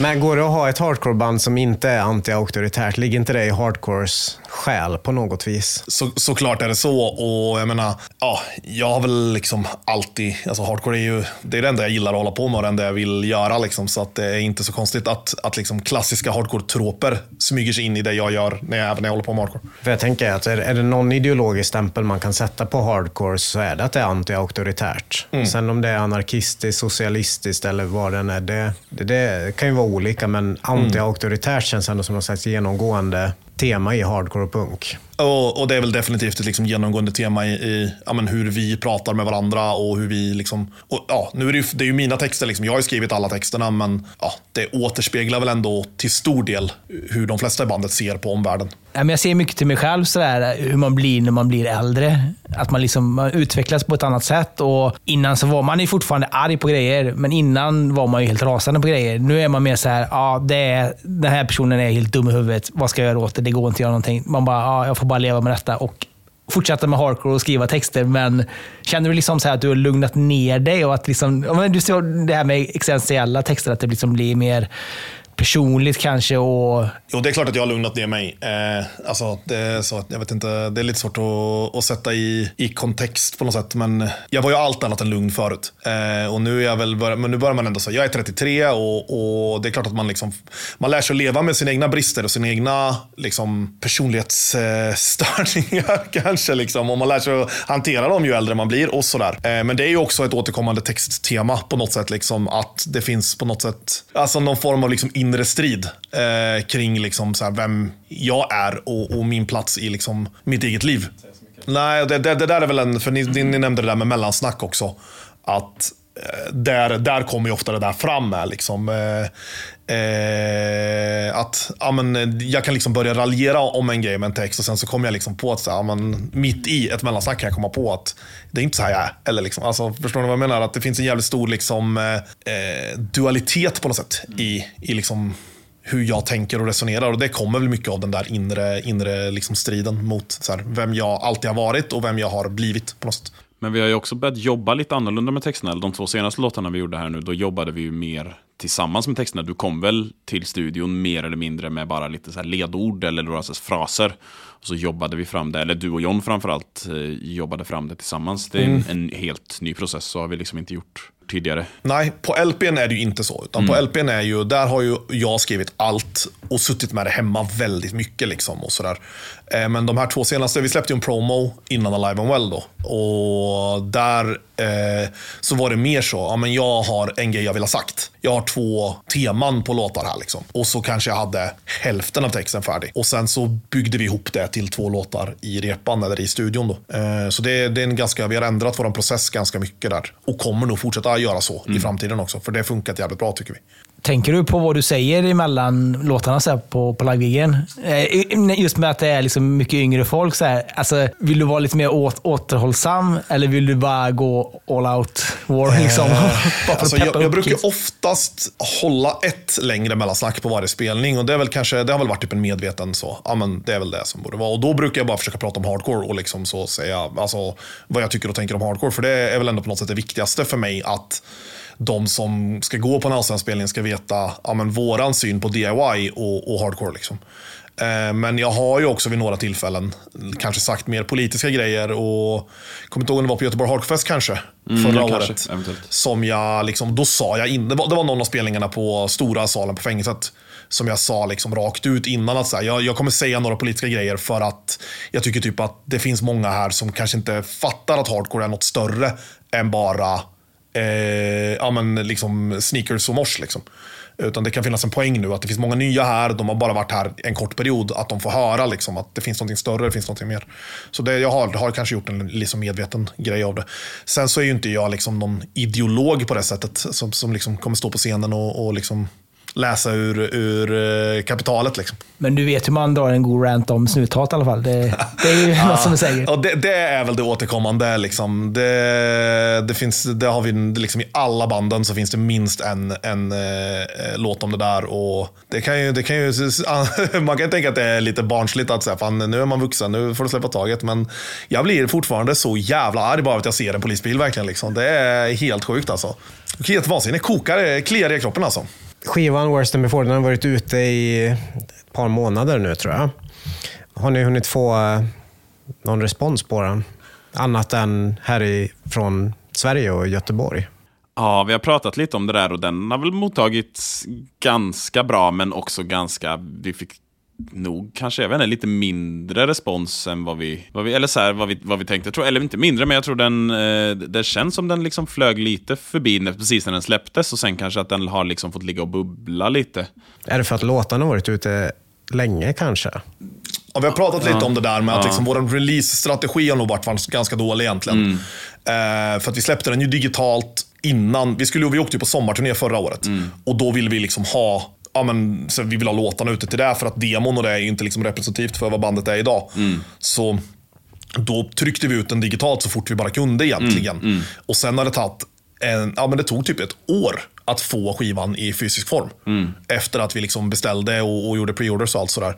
Så jag tror att den har kanske blivit lite så, ja. Eh, men alltså, det är klart vi har fått bra respons på den, det måste man ändå säga. Eh, det är så jävla svårt att avgöra bara. Liksom. Men jo, alltså, mm. alltså, när vi spelar live så kan ju folk ja, låtarna. Och, så är det, så är det. Eh, och sådär. Så att. Och hur representativ är den för Outstand idag? Alltså, den är ändå representativ skulle ja, jag säga. Verkligen. Nu, nu, när man har gått tillbaka, när man har fått lite perspektiv på den, så finns det grejer jag hade gjort annorlunda. Mm. Ehm, den liksom, om man ska vara lite självkritisk, så är väl det stora problemet är att den kanske är lite för... Det finns vissa låtar som är lite lika varandra. Mm. Eh, partier som vi har återanvänt, som jag kanske inte hade gjort idag. Utan Nej. jag hade kanske försökt göra skivan mindre likriktad om jag hade... Liksom... Man hade nog kunnat hitta sådana såna delar. Ja. som är... Det finns ju liksom vissa delar på skivan som är... Eller ja, vissa teman som återkommer ja. i nästan varje låt som kan vara lite enformigt så här, som vi har tänkt på i alla fall. Ja, men inspelningsmässigt och så, här, så är jag ju extremt nöjd med skivan. Och det har väl också funnits en liten så tanke kring att liksom göra hård hardcore som inte låter mm. som liksom modern morse hardcore. Det där mm. kan ju du liksom prata mm. mer om än vad jag kan. Ja, för, ja. Jag hade, hade nog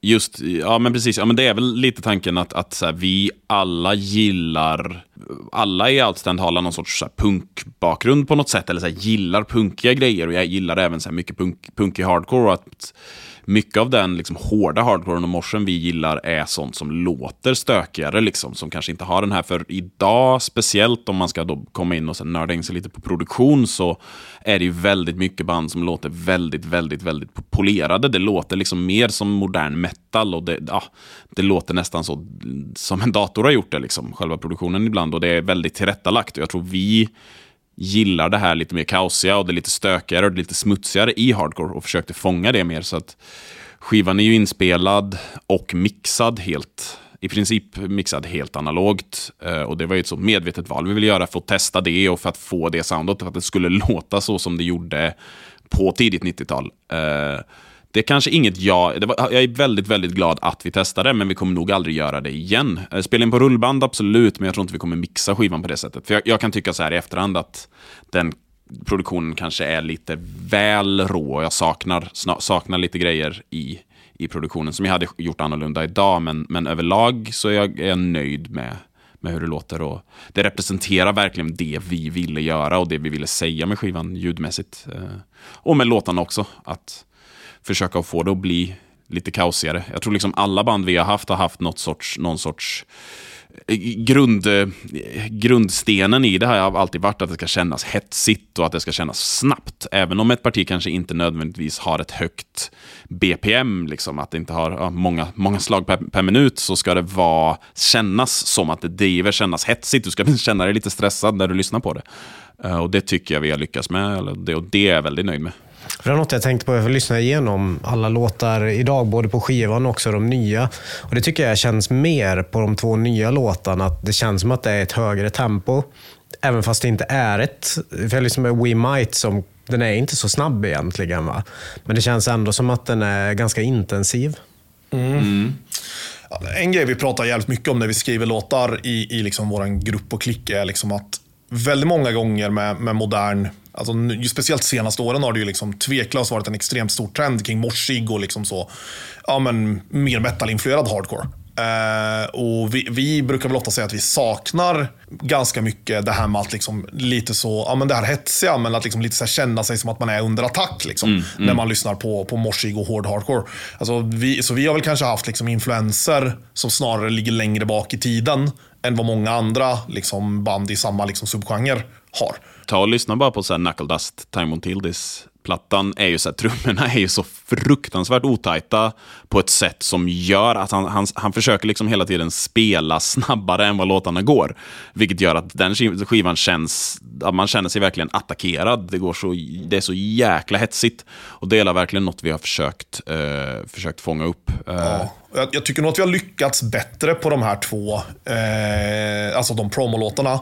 Och på den låt som är på Flubbekompen. Mm. Än på någonting, ja det finns några låtar på LPn som mm. håller samma. Men, och det har nog bara att göra med att vi har blivit mer samspelta och mm. kanske hittat så här, vad det är liksom, mm. vi vill göra och, och liksom på något sätt ja, vi har blivit tajtare som grupp. Gustav, du som spelar in många band. vad, vad möter du från eh, band som kommer och spelar in? Vad är det för ljudbild de är ute efter? Är det det här mer polerade eller? Och försöker du då eh, erbjuda ett alternativ? Eh, det är väldigt blandat. Det är liksom verkligen så från, från band till band.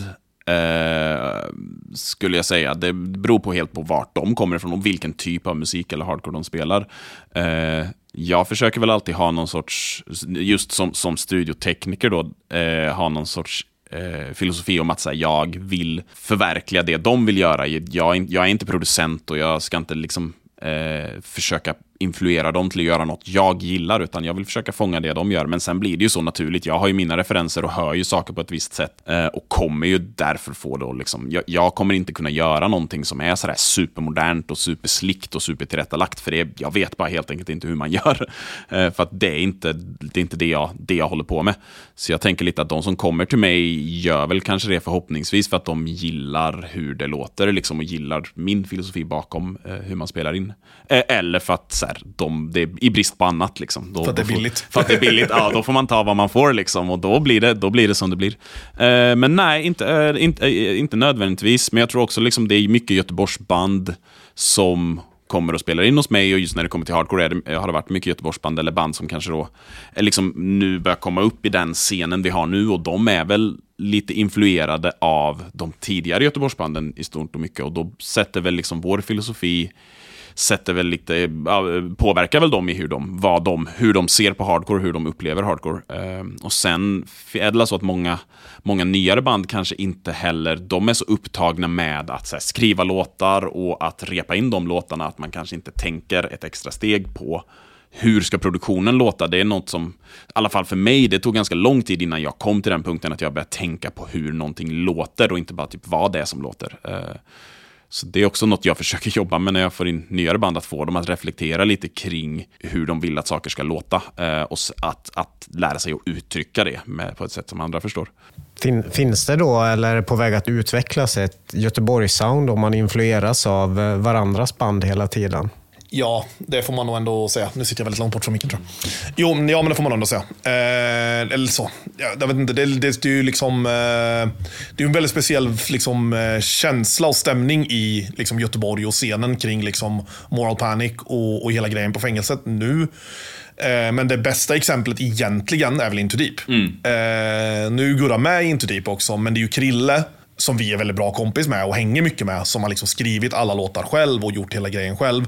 Och då har han liksom rakt ut sagt att ah, men jag lyssnade på Sidestep och Outstand Det var efter en spelning så kom han hem Ja. och började skriva låtar för att han bara tyckte att den grejen var så fet. och, och liksom för att göra ett band som liksom lite så. Så egentligen Into Deep är väl typ, skulle man kunna säga, det är Göteborgs-soundet. Liksom. Det sammanfattar ganska mycket klicken kring Moral Panic och, och liksom, ja, men scenen på fängelset och, och hela den grejen nu.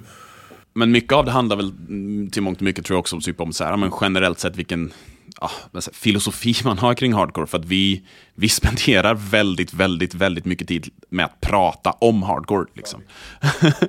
Eh, så att det, vi kan ju liksom, och då blir det ju att man kanske har en, man skapar sig en ganska gemensam bild av hur, vad hardcore är. För att man diskuterar det så mycket och liksom analyserar olika aspekter av hardcore, vad som är bra, vad som är dåligt och diskutera fram och tillbaks. Eh, och det smittar väl av sig, för det gör vi även på spelningar och då övar folk. Och, men sen tror jag inte heller man ska, alltså säga Göteborgslandet, det är ju inte bara, det, det är inte en envägsgrej tror jag heller, att man ska bli, man blir lite förmäten och sitter och säger att så, här, ja, men vi gör en grej och sen kommer folk att lyssna på oss och härma den, utan det handlar om att vi det, det där studsar ju tillbaks på en också, att jag tror vi blir influerade av alla andra band som tillkommer nu också. Och det är väl lite det som är ett sound också, inte bara att, eh, att liksom alla influeras av varandra. Liksom, alltså, och framförallt typ här, triggas och peppas och liksom tävla lite med varandra. Liksom, när Krille skriver svinbra låtar till Into Deep, då blir man ju jätteinspirerad av det och vill eh, och kanske tar in influenser från det. Och man kan göra så här och eh, åh, han skrev den här grejen, han skrev mors på det här sättet eller han har den här låtuppbyggnaden och då blir man, blir man inspirerad av det också. Ja, Into Deep är så fucking jävla bra verkligen. Det är Ja, helt är sjukt verkligen alltså. Genial. Ehm, ja, det, det, men, men det som är jävligt nice nu tycker jag, den, liksom, om man ska prata lite om det där Göteborgs liksom, viben, är att det finns, eh, det finns ändå en väldigt bred spridning nu. För nu har vi ändå liksom, ja, men, Outstand och, och Sidestep och så Into Deep mitt emellan Outstand och Sidestep på något sätt. Liksom. Men sen finns ju även Bullshit som gör en helt annan grej, men också gör den grejen ja, men, så otroligt bra. Det sa jag ju förra gången också, att liksom, det är så, alltså, Bullshit är ju bäst i världen på det de gör. Eh, och det, det, det, här, det, det känns så jävla fett verkligen att få vara en del av det. Liksom. Eh, och Sen har vi ju Disavow som liksom verkligen gör en helt annan grej, men också gör det väldigt, väldigt bra. Obstruction, samma sak där, mer en metal-grej, men ändå liksom så. Så att, eh, ja, det är klart det finns ett, man ska väl kanske snarare säga att det finns ett sound kring liksom den innersta Moral Panic-klicken, än att det finns ett Göteborgs-sound. För att Göteborgs-scenen är ju mycket större än bara, vi är ju bara typ åtta pers. Liksom. Och jag tänkte på det när vi intervjuade Sigge för Bound to Break och hon nämnde att Knuckle Dust var en influens, som, som ni har nämnt här. Det är ju inte ett band, det är ju inte det första bandet man plockar upp när man kommer in på hardcore, om man inte gör det med, men i kontakt med en viss grupp Men av individer. Sigge är ju hjärntvättad. Ja. Jo, Sigge det- har ju blivit hjärntvättad in i en sekt. Liksom. Det är väl också lite så här, det, det, det är ju ganska intressant för det, det, man kan ju se det, det var ju lite så för mig när jag började, speciellt när vi började spela i The Hammer, då var det ju så att Björn och Jakob Bondesson då som har Flubber, eh, fanzinet, liksom lär, ni lärde ju mig och Gabbe så här, det här är hardcore, det här är bra band, det här är dåliga band, lyssna på det här. Eh, och det, när jag var liksom så 21, så då bara åt man ju upp allt man fick och bara så här, lyssnade på dem och, och det skapade ju liksom en, en samsyn väldigt mycket. Och det har väl hänt lite samma med den, den nya, nya gardet, eller nya ligan som har, som har kommit in med, med, med kids då, att de de lyssnar ju på det vi spelar i bussarna och så vidare och så vidare. Och då, ja, då skapar man ju en gemensam referensbas och det gör ju också mycket.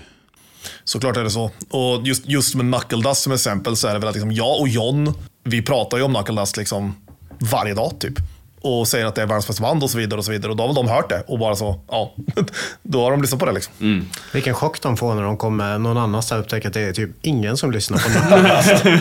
Ja, de, när de spelade, Bounty Break spelade sin första spelning så spelade de ju en Knuckledust-cover. Då stod jag lite och skrattade för mig själv och så tänkte jag att eh, det här hade inte så många. De spelade ju liksom en, en Knuckledust-cover utan sång också. Alltså introt på den första LPn. Så att eh, det är inte jättemånga som hade kanske så, ja, det, snappat upp det.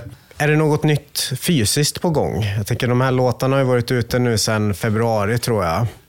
Eh, kommer ni spela in något nytt snart och kommer det någon ny release? Vi har pratat lite så, det senaste vi pratade om är att vi aldrig ska släppa något fysiskt igen, för att det är så jävla krångligt. Men eh, vi får se lite, vi har lite planer på G. Alltså vi har typ tio låtar som ligger, som är så här, in, mobilinspelade från repan, som självklart behöver jobbas igenom, men så, som, eh, som är på gång. Så vi har någon sorts, någon sorts plan om nytt släpp till hösten har vi pratat om. Men ett stort problem är ju att nu har alla, alla har så mycket att göra i och med att scenen i Göteborg har växt så har ju också liksom allas engagemang växt jättemycket. Så att tiden är knapp, så vi liksom att, att hinna repa på den nivån som behövs för att kanske göra en ny skiva har varit svårt. Så nu har vi nästan fått liksom planera att så här, men, den här tiden ska vi viga åt och verkligen skriva nya låtar. Eh, så vi har pratat om att kanske släppa någon ny promo till hösten och sen kanske eventuellt börja blicka på att göra en ny, ny EP eller LP. Eh, sen om den kommer fysiskt eller inte får vi se. Vi har pratat lite om CD. Alltså, man ska inte sådär där med, med att liksom vi nu har vi pratat om att inte släppa fysiskt. Det går nog verkligen inte att liksom underskatta hur mycket av engagemanget i det här bandet som drivs av bara damp. Liksom. Så att det är så, det blir någonting jobbigt vid ett tillfälle, då är alla så vi ska aldrig någonsin göra det här igen, dra åt helvete med den här skiten. Men sen efter ett tag så kommer man hålla i den där jävla vinylen igen i handen och tänka, fan det är jävligt fett att ha en vinyl i handen. Och då kommer någon bara få sug och bara göra det. Eh, och det är ju väldigt mycket så, liksom, det är inte bara Outstand, utan det är ju liksom hela, hela Moral Panic drivs ju väldigt mycket av det. Att så fort jag har lugnat ner mig, nu sa jag off, eh, off podcast att jag vill aldrig boka stora band igen. Och så här, efter, vi håller på att boka speed nu då för, för de som inte är med i diskussionen. Eh, att, men så fort jag har lugnat ner mig lite så kommer jag bli sugen igen. Eh, så att väldigt mycket funkar ju så bara. Liksom, att, Ja, det är bipolärt hardcore-engagemang. Men det handlar mest om att, om att få tiden för att faktiskt så här, sätta sig ner och skriva och repa in nya låtar tror jag som är, har varit Framförallt repa. nu. Eh, Att få den kontinuiteten och, och så vidare. Eh, Det går för bra för bullshit. Ja, Det är väl det stora. Ja, men även att så här, Sidestep har ju repat två, två, till och med ibland tre gånger i veckan inför sin LP-inspelning. Och eh, jag är i studion var och varannan helg. Och, alltså, så här, det, det är, alla har väldigt, väldigt mycket. Och samtidigt så är det också så här, ja, men, ja, man ska hinna med resten av livet också. Så att det, det är svårt att få ihop. Men vi har Men det, det kommer komma mer låtar från Anstand i alla fall. Sen i vilket format det blir, det, är, eh, det får, framtiden, får framtiden visa. År 2023, då kan man ju fråga sig hur relevant är det överhuvudtaget med fysiska släpp? Eller är det bara digitalt som gäller i en modern scen? Ja, det är en fråga vi har ställt oss många gånger. Eh, några av, av de, de yngre som liksom är ganska nya i scenen då, alltså, eh, man får väl prata om liksom, eh, post-corona eh, hardcore kids på något sätt, köper skivor eh, och tycker det är fett och så. Ehm, men man måste ju säga att medelåldern på de som har köpt skivan är ju hög. Alltså. Kanske i många fall till och med högre än vad vi är och vi är ju inte, vi är inte purunga direkt. Liksom. Ehm, så det är en jätte, jättesvår och knepig fråga för att det är ju sjukt fett att ha någonting i handen. Det här har jag gjort. Det här har vi tillsammans skapat. Liksom. Men det är också svindyrt och svinjobbigt att släppa vinyler.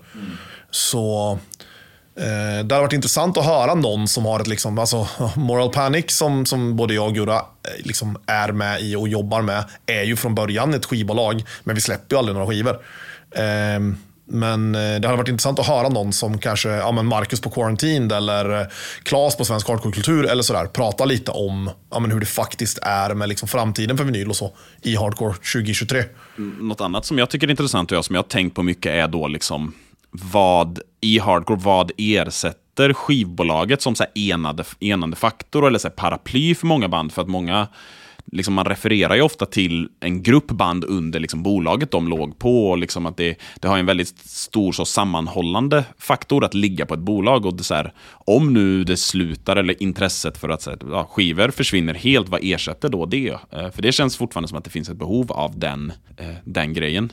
Och själva då? Köper ni några skivor? Jag köper det av ja, de, typ alla svenska släpp som kommer i alla fall. Ja, definitivt alla svenska släpp. Eh, det mesta, liksom, eller alla svenska släpp ska man fan inte säga. Nej. Det, då, då klappar man sig själv lite för Ja. hårt på ryggen. Men eh, Jo, det stämmer. det som, åtminstone alla svenska släpp av det som ligger närmast inom liksom ringarna på vattnet från hardcore-kärnan kring det vi själva håller på med. Eh, och Sen liksom går jag på en spelning och ser att någon, att någon står med en distro, typ Marcus från Quarantine eller sådär. Då köper jag väldigt gärna skivor. Men det är nog mer egentligen från någon form av liksom konsumentmaktsperspektiv. Att man bara, jag vill bara trycka in så mycket pengar jag bara kan i det här, för jag vill att det här ska bli större och bättre. Jag har inte ens en vinylspelare som fungerar för tillfället. Alltså. Jag har aldrig lyssnat på vår egen skiva på faktisk vinyl. Så det är en svår, svår fråga. Man lyssnar ju, de allra flesta liksom lyssnar ju väldigt mycket på sin musik on the go idag. Alltså i, liksom, man sitter på bussen med hörlurar eller åker bil eller vad det nu är. Och, ja, där får man inte plats på en hela vinylskiva direkt. Men det är kul med vinyler. Annars är det ju en turné som är närmast i Europa med Sidestep. Hur ser förväntningarna ut inför den? Förväntningarna känns jävligt bra. Vi hade ju en riktigt bra turné förra året tillsammans, också Sidestep och Outstand. Det blir ju naturligt eftersom att John spelar i båda banden och Nils spelar ju live med oss. Eh, Nils som också spelar i Sidestep då. Eh, men, eh, ja, vad fan är det? Vi ska spela 20 någonting spelningar. Mm, något sånt. Eh, och alla känns bra typ. Ja. Eh, och så. Och det Är det, är det många orter som ni återvänder till? ganska många. Ja. Eh, men också många nya. Ja. Men man har ju så här, nu är vi, liksom, vi har ju turnerat ganska mycket, jag och Gurra. Och även, även John och Gabbe. Men eh, man har ju sina ställen som man liksom vet att eh, man gärna återvänder till och sådär. Och sen vissa ställen som man vet att man undviker så gott man bara kan.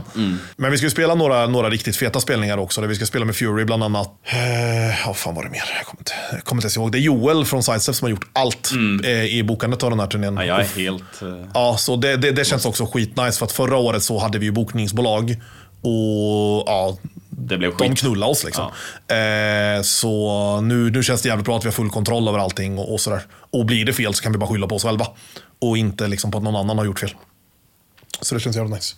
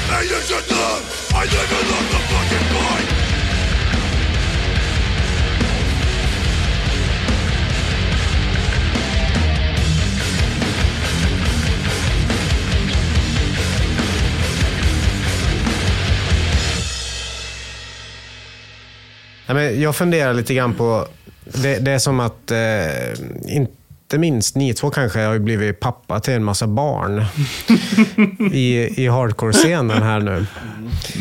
Hur ser ni egentligen på tillväxten av unga kids i hardcore? Är det, tror ni att eh, vi har sett toppen redan eller tror ni att det finns möjlighet för att fortsätta växa? Det beror nog på vad man menar med toppen och fortsätta växa. Jag tror att vi kanske eventuellt har passerat, om man ska säga, liksom piken kring... Ja, men ni, har ju gått på alla de här spelningarna som har varit nu under våren, liksom, där det liksom står 70 pers utanför som inte får komma in och sådär. Jag tror att kanske den piken kan vi nog vara förbi potentiellt. Men jag tror också att de som är kvar nu och fortsätter komma. Vi såg ju nu, vad var senaste spelningen? Eh, Into Deep och Life Crusher och Obstruction och det där. Alltså då var det ju, vad kan det ha varit, 150-160 pers Något sånt. eh, besökare då, liksom, inte band och, och vi som jobbar inräknat. Eh, och Då ser man ju att liksom de som är kvar nu tror jag bryr sig mer. Eh, och att de som faktiskt har stannat och fortsatt komma är de som har liksom ett genuint intresse och vill veta mer och liksom göra mer med det. Och jag, jag tycker i alla fall att jag kan se en, det kanske bara är önsketänk, men en trend av att man liksom ser fler med bandtröjor och liksom som köper merch och köper skivor och liksom så faktiskt deltar aktivt. Och vi, alltså vi har ju sjukt mycket band på gång nu i, i liksom Göteborg med omnejd. Nu är det ju liksom tre aktiva band, med alla är under 18. Mm, ja, inte, inte Bound to Break. Nej, just det. Ja. Men typ alla under 20 då kan vi säga. Ja. Och Borås har ju ett nytt band på gång också, har vi fått veta här precis nu. Med liksom bara boråsare, där som också är ung medelålder och sådär. Och det får man väl ändå säga är ett tecken på att, att det finns en, en framtida tillväxt, tror jag. Skulle det kunna vara så att det börjar blåsa upp lite grann och sen lugnar det ner sig och sen tar det i igen? Va? Jag tänker för nu kommer de här få eh, spridningseffekter runt omkring sig också i Borås till exempel. Ja, det är för ett år sedan ungefär, lite mer då, på våren där när vi liksom började Ja, men för, för fan, vi kanske ska ändå liksom, alla som, det är, alla som lyssnar på podden har ju såklart inte 100% stenkoll på exakt där. Men när covid-restriktionerna släppte så bestämde sig ja, men jag, Gurra och några andra, vi som är liksom kärnan i Moral Panic då, att så, ja, men vi vill börja boka spelningar direkt. Så vi bokade ju en spelning samma dag som restriktionerna släppte. Eh, och den spelningen kom det ju typ 100 pers på. Från ingenstans. Liksom. Vi var ju helt, så, vi var helt chockade. Vi trodde kanske det skulle komma 20. Eh, för vi tänkte nu är liksom hardcore typ dött under corona. Liksom. Eh, och sen har ju det där växt och växt och växt. Och ja, nu har vi ju haft liksom, ja, men runt 185-200 besökare på varenda spelning ett ganska bra tag. Och då sa vi ju att så här, den dagen vi har ett band med de här kidsen, eh, då kan vi säga att vi har lyckats. Liksom. Och nu har vi ju fyra då potentiellt. Mm. Åtminstone tre som är aktiva och spelar spelningar och två som har demo på gång och sådär. Och då pratar vi om Bound to Break, Dogfight och eh, Try Me.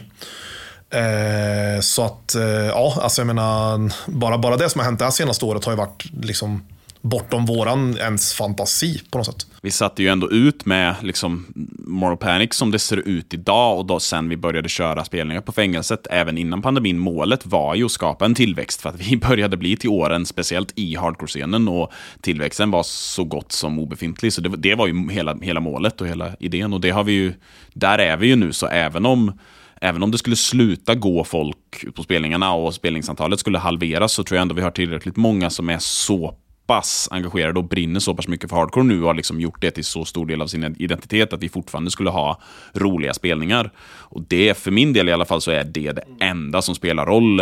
Oavsett om det kommer 200 eller eh, 15 pers så kommer jag fortsätta hålla på med hardcore och så länge det är liksom, ja, kan, vi, kan vi fortsätta att ha det roligt. Det är det enda som spelar någon roll. Sen vill man ju självklart att det ska att det ska komma, att hardcore ska, alla ska älska hardcore, att det ska komma eh, hur mycket folk som helst. Men det känns också som att det, det är liksom, desto fler som brinner för det, desto fler hangarounds finns det. Eller folk som tycker det är lite kul, eller kul att gå på spelningar men kanske inte lyssna på musiken, eller gillar något band. Och liksom, så det gör det ju eh, mindre, liksom, mindre sannolikt att det kommer minska och bli pyttelitet igen. Eh, så, ja, och det, ja, det känns gött. Ja, och det finns en, så här, det är en ganska nice grej som vi kom liksom egentligen kom att tänka på för första gången ganska nyligen. Att liksom i, i Moral Panic-gruppen så är det ju typ så ja, men mellan tre, fyra år ungefär mellan alla. Alltså det finns liksom ett hopp mellan alla, alla som är med. Vi är, vad fan är vi? Sju?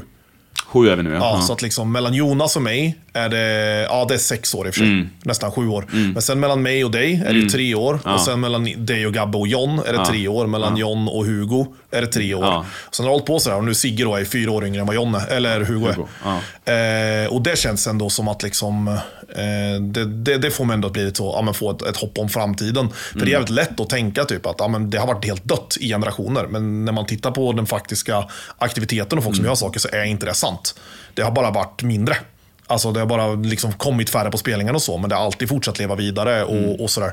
Tr- Tror ni att, eh, om vi säger att vi eventuellt har passerat en, en peak, hade den peaken kunnat bli ännu högre om fängelset hade haft en högre publikkapacitet? Tveklöst. Mm.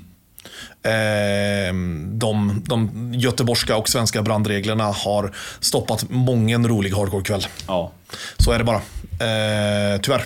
Det är inte så mycket att göra någonting åt, utan det, Det, det, det, är det, som är vad det är bara. Och, alltså, vi, har ju, vi har ju kämpat i jättemånga år kring det här med att hitta en venue som funkar och som liksom accepterar oss för det vi gör och vill göra.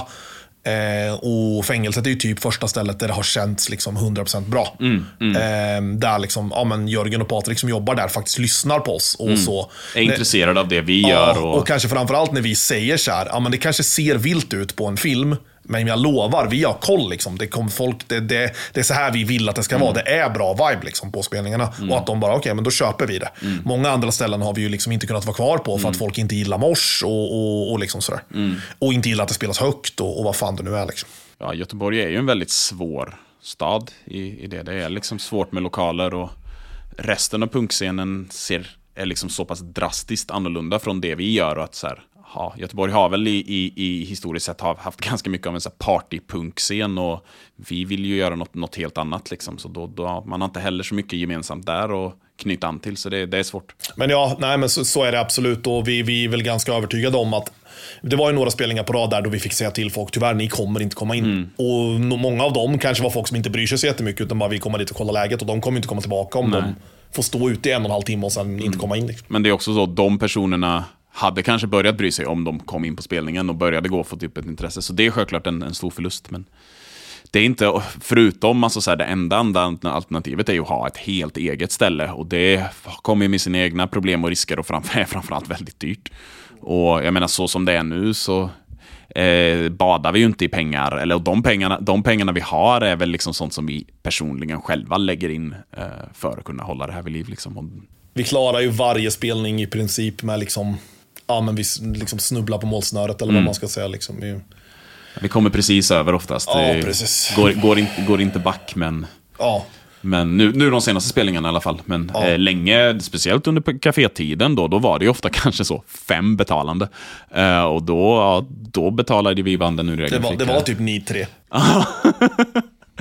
Och då fick man, precis, då fick man ju betala, banden skulle ju fortfarande, vi har alltid haft det lite som princip att så här, banden ska ändå få betalt för resan. De ska inte gå back, liksom. Nej, för annars så liksom fallerar hela korthuset på något sätt i hardcore om man ska behöva betala för att ta sig och spela. Då, då får man liksom verkligen räkna med att folk är, dels har de ekonomiska möjligheterna och är väldigt, väldigt dedikerade. Eh, och ja, det blir lite lätt, och, lätt att falla omkull då. Men ja, egentligen Moral Panic har ganska god ekonomi. Jo. Men alla de pengarna kommer ju från att vi betalar medlemsavgift Ja. ur egen ficka. Och så. Men trots att det kanske varit svårt att få det att gå ihop ekonomiskt ibland, har ni aldrig funderat på om man skulle tumma på regeln med att det är gratis för dem under 20 år? Nej, aldrig. Och jag tror aldrig vi kommer göra det heller. Eh, det finns flera skäl till det. Alltså dels ett rent eh, cyniskt PR-skäl. att vi vill att så många som möjligt ska komma och titta och tänka det här var kul och så kanske en av tio stannar. Men också på något sätt någon form av mer kanske ideologiskt, eller vad fan man ska kalla det, filosofiskt eh, skäl kring att eh, jag, när jag var i den åldern, fick skippa skitmånga spelningar för att jag helt enkelt inte hade råd. Eh, och det är jävligt många, liksom, har man inte föräldrar som kan betala för en när man är under 20, alltså inte har ett jobb, man går i skolan fortfarande, då är man jävligt låst och begränsad från sjukt många saker i samhället. Eh, och det är väl på något sätt liksom, ja vi var inne lite på det där med de politiska texterna och så. Och där går väl ändå på något sätt den absolut lägsta gemensamma nämnaren för oss. Liksom, att ja, Vi tycker att alla ska ha rätt till allt på något sätt. Eh, Så ja, nej, det, det är så. Jag, jag har ett jobb, jag har inkomst. Jag kan, om, man, om man säger att jag subventionerar biljetten för 10 stycken under 20, då gör jag gärna det. Då tackar vi Gustav och Björn för en intervju om Outstand och eh, lite grann om Göteborg Hardcore i allmänhet. Tack så mycket.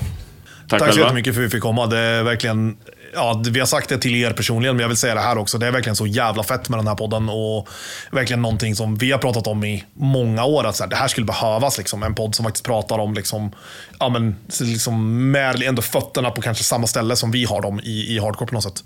Och det känns jävligt, jävligt nice.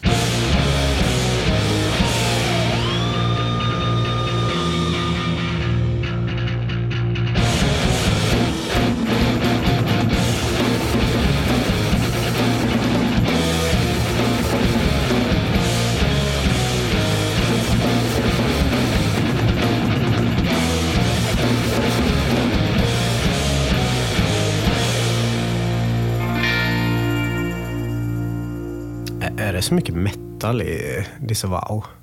Ja, men det är ju... Det, det är väl det är ju- alltså off det är mer metal än youthcore i alla fall. Jo, men jag tänker, är det inte lite mer så här? Men vad kallar man sån typ av hardcore? Alltså modern hardcore, kan man kalla det så? Som är...